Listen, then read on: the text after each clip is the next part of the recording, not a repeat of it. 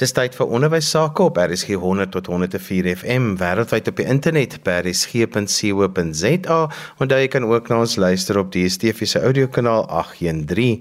Ons gesels vandag oor tegnologie en ons praat 'n bietjie oor leerders en hulle fone en is leerders slim genoeg vir hulle slimfone? Ek gesels vandag met die bekroonde Suid-Afrikaanse sosiale media kenner Magriet Groenewald. Magriet, as jy met onderwysers, hoofde skole gesels dan kom hierdie gesprek nou aan mekaar op van leerders wat nie weet wat is die gevolge van hoe hulle met hulle slimfone werk, sosiale media en al daai dinge nie. Wat is jou ervaring? Ja, ons sien vir al die onderwysers, hulle kry eerstens daarmee te doen. En ehm um, ek dink dit is 'n baie groot kopseer vir alle onderwysers. Maar dit is hoekom dit belangrik is dat mense hierdie gesprekke het en dat die gesprek oop is. En ek dink dit is belangrik vir ehm um, skole om te besef dit is wel die ouers se verantwoordelikheid om die kinders te leer, maar omdat dit so nuwe ondervinding is want ons is die eerste ouers wat kinders moet digitaal grootmaak. Is dit ook vir ouers moeilik want hulle het nie noodwendig al die kennis nie. En daar is dit baie belangrik vir skole om sal ek sê um soos pioniers te wees in hierdie gebied en te sê maar kom ons wend 'n poging aan om te praat hieroor dat ons dalk kenners kry by die skole. Ek het nou al 'n paar keer by skole gaan gesels, eers met die ouers en dan ook nou met die met die kinders. En dit is so interessant om ook van hulle te hoor en te hoor wat is um hulle ondervinding want ek dink is baie belangrik. Ek weet na die praatjie met die ouers was daar net soveel ouers wat gesê het maar ons het nie hierdie goed geweet nie. So nommer 1 die ouers moet hulle self bemagtig met die kennis. Daar is ongelooflik baie kennis. Jy kan net gaan Google. Daar's soveel kennis en dan natuurlik die wette in Suid-Afrika wat die digitale inhoud aanval onder die Cybercrimes Act en die Forms and Publications Act. Maar ehm um, ek weet onderwysers voel ook hulle arms is afgekap en daarom is dit belangrik dat daar ook van die skool af 'n poging kom en sê dalk vir die ouers vir hulle inlig hieroor en vir hulle sê want baie ouers het geen kennis oor die internet en tegnologie nie. So ehm um, en onderwysers werk hiermee. Hulle sien die probleme wat vorendag kom. Ek dink nou sommer vinnig aan 'n geval waar ehm um, daar dis nou baie keer op TikTok dan hulle die TikTok challenges en kinders weet nie hulle doen hierdie goed en as hulle dalk in hulle skoolklere en dit sleg vir die skool se naam en dan word die kind dalk geskort en dit is net vir almal 'n moeilike situasie waar as mens kan gaan en sê kom ons kyk wat is al die gevare. En wat moet ouers doen? Daar is soveel hulpmiddels vir ouers. Hulle kan 'n sagte ware op op hulle internet sit. Daar's ouerbeheer toepassings vir die fone, maar die belangrikste is om te praat hieroor en te kommunikeer. En ek meen ons kinders is tog in die skole wat hulle wil eendag 'n um, goeie toekoms hê. Hulle wil suksesvol wees in die lewe en dis tog waarmee die onderwysers hulle help. Maar nou sit jy met hierdie probleem van as jy dalk bietjie verkeerde stappie op op op sosiale media of of op die internet, dan dit bly daar buite. Dis digitale inhoud jy weet het die vermoë om om vir ewig aan te hou lewe en dit kan mens kniehalter eendag as jy dalk by universiteit wil gaan swat of jy weet in jou sport wil vorentoe gaan en mens kan nou dink aan hoeveel gevalle en voorbeelde wat daar is. So ek dink definitief um vir die onderwysers is dit belangrik om te besef dat ja, dit is die ouers se verantwoordelikheid, maar hulle weet nie noodwendig dat dit so groot probleem is nie en hulle weet ook nie waar om te begin nie. So dit is dis baie goed as 'n skool kan begin kommunikeer en sê nommer 1 Kom ons stel 'n sosiale media beleid in plek. Ek dink baie baie skole het dit nog nie. So 'n sosiale media beleid net soos wat jy 'n skoolreëls het, is basies 'n opvoedingsdokument. So jy gee dit vir die ouers. Jy sê vir hulle luister hierso, hierdie is ons beleid by die skool rondom enige digitale inhoud. En dan die doel daarmee is sodat jy um, as as kind nie ehm um, goed doen wat jy nie geweet het verkeerd is nie. Die skool kry die geleentheid dan om ouers ook op te voed en hulle in te lig en dan daai kanale oop te hou en gereeld ehm um, inligting te deel rondom dit. So ja, ek dink dit is maar die die ehm um, jy weet die belangrike goed wat wat onderwysers ook in ag moet neem. Magriet, vind jy verwys ook altyd na goed soos 'n skermgreep wat geneem word of na iets soos 'n digitale footprint wat daar is. En ek dink dit is nogal nodig dat ons onsself sal vergewis van al die terminologie wat deel is van digitale geletterdheid en as jy werk met jou slimfoon. Ja, absoluut. So net soos wat jy besig is um, om jou CV op te bou deur om om goeie punte te kry, deur om 'n prefek te wees of aan, aan sport deel te neem of die kultuur, dit is alles deel van jou CV om om eendag 'n goeie werk en 'n goeie lewe te hê. Um is jou digitale footprint ook deel van jou CV en dit is eintlik 'n baie groter deel van jou CV want um digitale inhoud Omdat dit op die internet is, die oomblik wat daar skermgreep van dit geneem word, as jy byvoorbeeld 'n WhatsApp aangestuur het of inhoud op 'n WhatsApp gestuur het wat nie noodwendig is wat jy ehm um, wil mee vereenseldig eendag of laat mense dit sien, die mens moet altyd dink aan WhatsApp en sosiale media as hierdie billboard wat daar is. Enigiets wat jy van een WhatsApp na die volgende stuur, kan daar buite kom op 'n billboard met jou naam, met jou ouers se naam, met die skool waar jy is.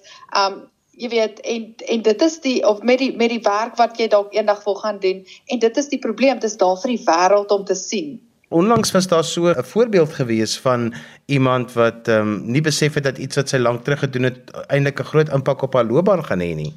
Absoluut. So ehm um, ek dink nou spesifiek aan die geval wat ons in 2020 gesien het met mevrou Suid-Afrika wat hierdie jong dame sy was 20 jaar oud pragtig en um haar toekoms was regtig rooskleurig. Sy het ingeskryf en binne 2-3 dae van wat sy ingeskryf het kon mens gesien het, jy weet haar rankings gaan op. Um mense het begin sê sy sy's regtig 'n goeie contestant op te te wen.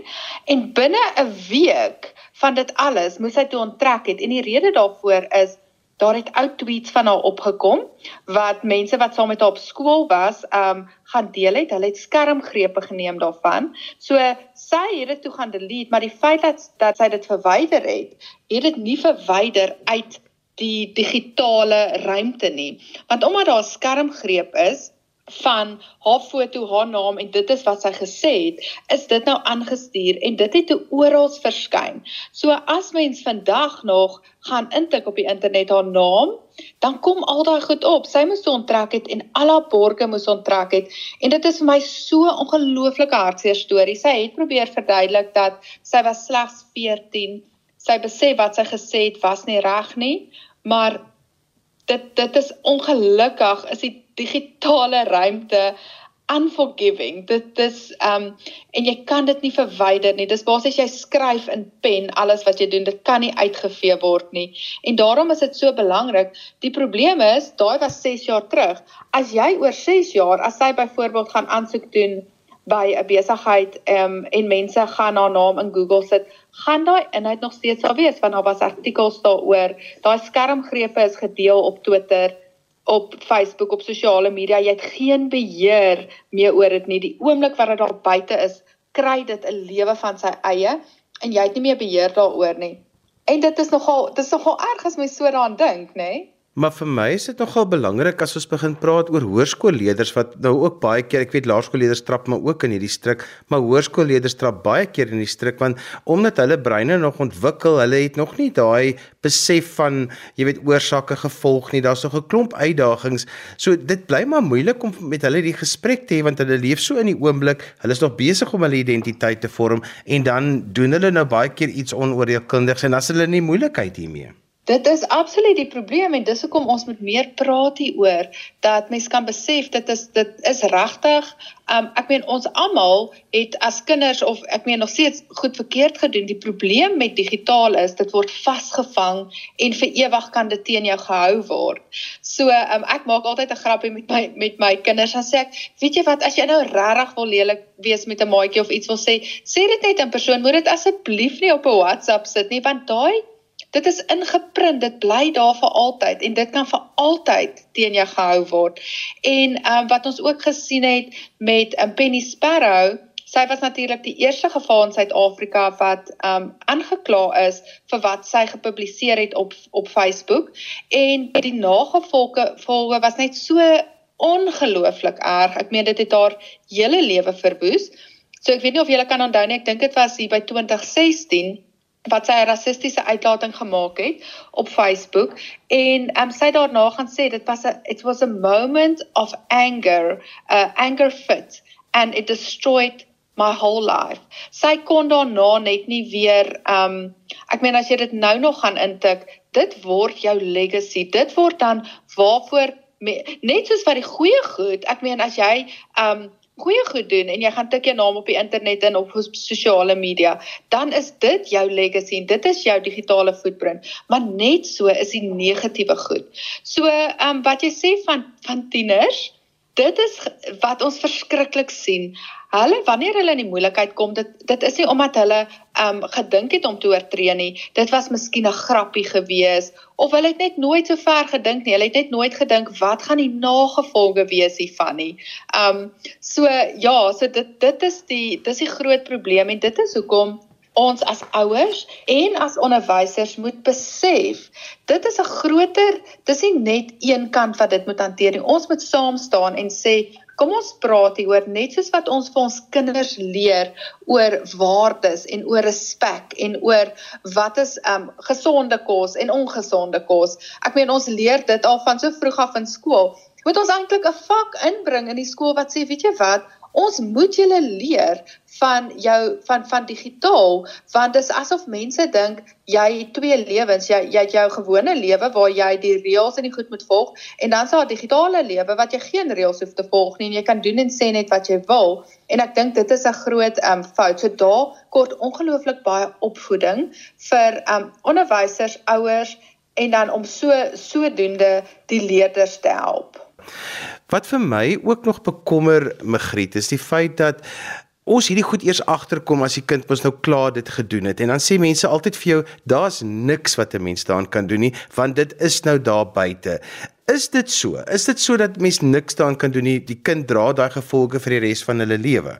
Dit is tot 'n baie groot mate so. Ehm um, kyk, daar daar is omdat daar wetgewing rondom hierdie goed is is daar natuurlik as as jy byvoorbeeld 'n foto gedeel het. Sê maar jy is nou 'n hoërskoolmeisie en jy het nou 'n foto gedeel wat nou nie van pas is hmm. om daar buite te kom nie en iemand stuur dit aan. Daai persoon kan ehm um, jy weet skuldig bevind word. Jy weet hy kan ehm um, aangekla word vir vir dit, maar die probleem is jou reputasie is dan reeds daarmee heen. So dit is 'n baie groot probleem is die reputasie. Baie keer is dit nie noodwendig net dat dit dat gaan oor oor dat die wet oortree is of ietsie, maar jou reputasie is daarmee heen. En dit is ongelukkig nou nie lekker om dit vir jou te sê nie, maar daar is in baie gevalle niks wat mens daaraan kan doen nie. Die geval uh, wat ek nou genoem het van die meisietjie van mevrou Suid-Afrika, as jy haar naam op die internet gaan intik, dit is wat jy sien. Dit gaan dan oor ehm um, as jy dit op uh, Twitter gaan gaan sit, daar was 'n hashtag gewees van hulle het gesê #cancel en nou die dame se naam. As jy dit gaan intik, dit kom op. Ek meen Daar's niks wat sy daaraan kan doen nie want jy moet onthou die oomblik wanneer jy 'n plasing maak in die digitale ruim is dit so goed soos jy dit op die voorblad van 'n koerant gepubliseer.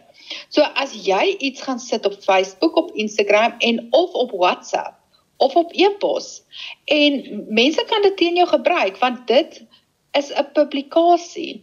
So dit is wat ook nogal erg is om te dink maar jou kind moet nou ewe skielik weet wat se wette moet moet ehm um, 'n nuusagentskap of 'n koerantagentskap aan voldoen want hulle moet basically aan dieselfde voldoen. So as jy dan basies iets gesit het op Twitter byvoorbeeld wat rassisties is, dit bly deel van jou reputasie. Ek weet ook um, as ons kyk na 'n uh, hoofekonoom van Standard Bank, ek dink dit was so 2 of 3 jaar terug wat hy 'n tweet geplaas het en dit het iets oor apartheid te doen gehad en hulle het net eenvoudig gesê dis rassisties. Um hy het in sy verklaring gaan sê dit is heeltemal uit verband uitgeruk want dis wat ons ook moet onthou met sosiale media is daar is nie konteks nie. Die konteks word weggevat. So hy het gesê daai een sinnetjie was deel van 'n groter storie, maar mense het dit nie so gesien nie. En of hy's nou nooit um, aangekla oor rasisme nie, maar die punt is omdat dit so 'n sensitiewe saak is, is sy reputasie reeds, jy weet, dit het sy reputasie skade gedoen en hy moes toe hy toe sy werk bedank by Standard Bank. Die probleem is wanneer jy nou sy sy naam gaan intik in die in die op die uh, Google, dan kom daar artikels op. So as hy nou weer oor 5 jaar wil aansoek doen vir 'n ander werk. Ek weet nie wat se werk gaan hom um in diens neem wat jy weet hy sit met daai swaard oor sy kop. So dit is so ernstig dit eintlik is. Hmm. Magriet, ek wil ook by jou hoor. Ek dink kinders besef nie altyd die implikasies daarvan as ek iets aanstuur of as ek iets net verder deel op een van hierdie platforms sê dat hulle dan eintlik ook beginne deel raak van die narratief nie en ek dink baie keer dink hulle as hulle dit net aanstuur, dis mos nou nie hulle storie nie, hulle stuur dit net aan. Mm. Dit is 'n baie baie belangrike punt wat jy um aanraak daarso dit is ook natuurlik soos ehm um, dieselfde soos met 'n publikasie as dit teen die wet is om is om sekere inhoud te deel in 'n publikasie en jy as verspreider verkoop daai boek is jy ook skuldig want hulle praat van ehm um, the chain of distribution.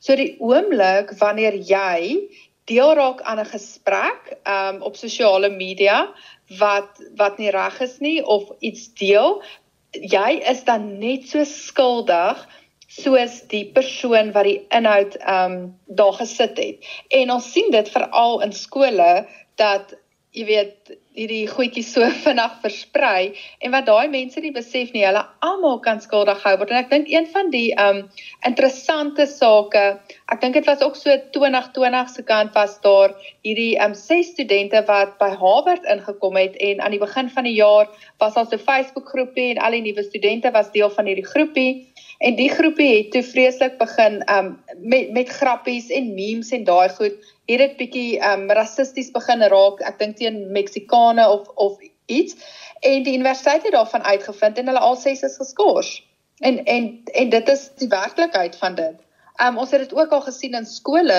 want veral met hierdie WhatsApp groepies wat die kinders het waar daar dalk 'n kind geboelie word en cyberbullying is natuurlik 'n baie baie groot probleem. Um wat hulle sleg praat van 'n maatjie, 'n um, lelike goed sê, iemand kry 'n skermgreep van dit, um jy weet die skool raak bewus daarvan en hierdie spesifieke geval was dit 6 kinders op die groepie, maar slegs 4 het deelgeneem aan die gesprek, maar al 6 is toe uit die skool geskort en die tweeetjies wat nie deelgeneem het, dis se ouers wat toe weet hoe hoekom.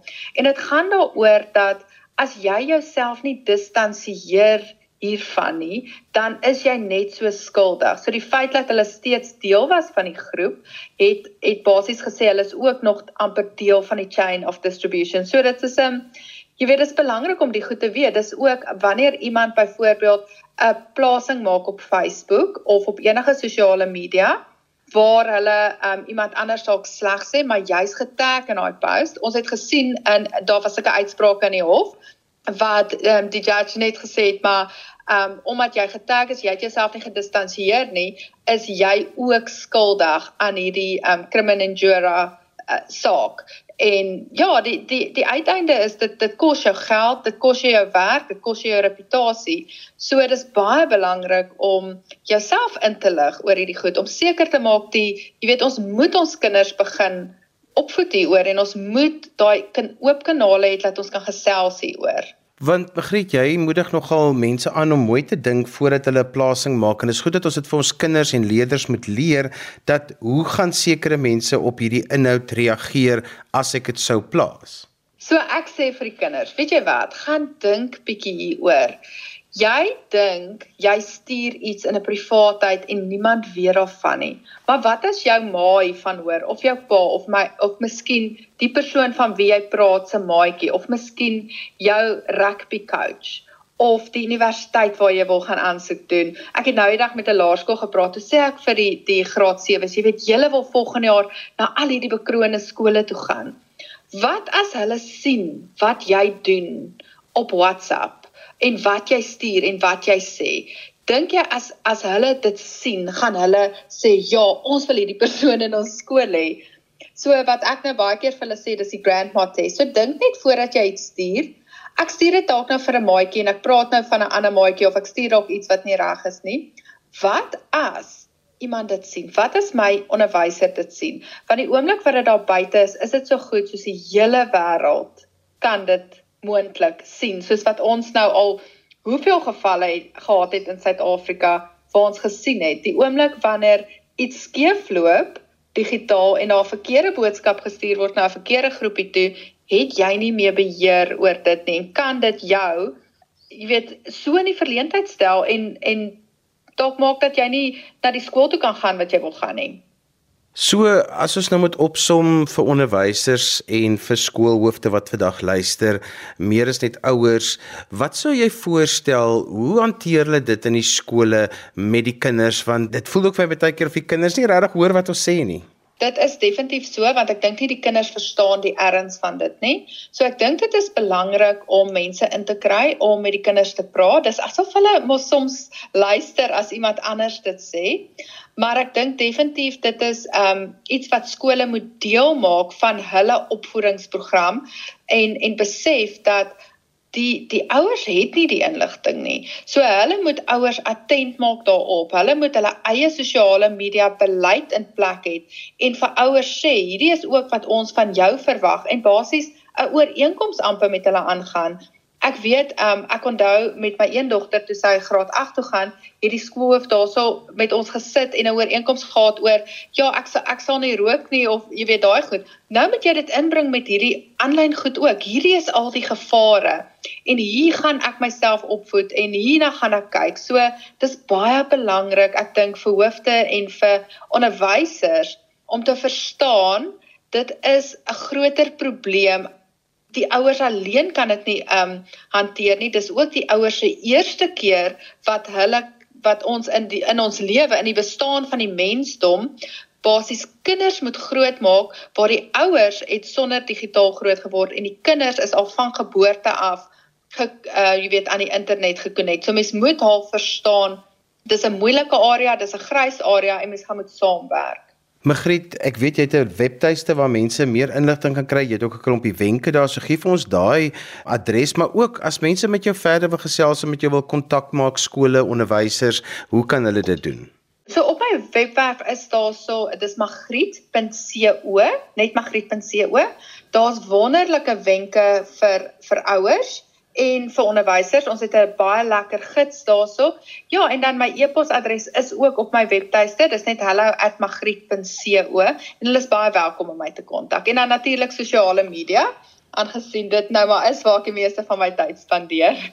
En so gesels sosiale media kenner Magriet Groenewald. Ons het vandag 'n bietjie gepraat oor hoe slim is jou leerders met hulle slimfone, bietjie oor sosiale media en natuurlik al die gevolge van as ons nie ons kinders reg voorberei om dit te gebruik soos dit moet gebruik word nie en wat 'n impak dit op hulle lewens kan hê. Onthou jy kan weer na vandag se program luister as 'n potgooi. Laai dit af by resgep.co.za. Skryf gerus vir my e-pos by Johan van Lille by gmail.com en daarmee groet ek dan vir vandag tot volgende week van my Johan van Lille Totsiens.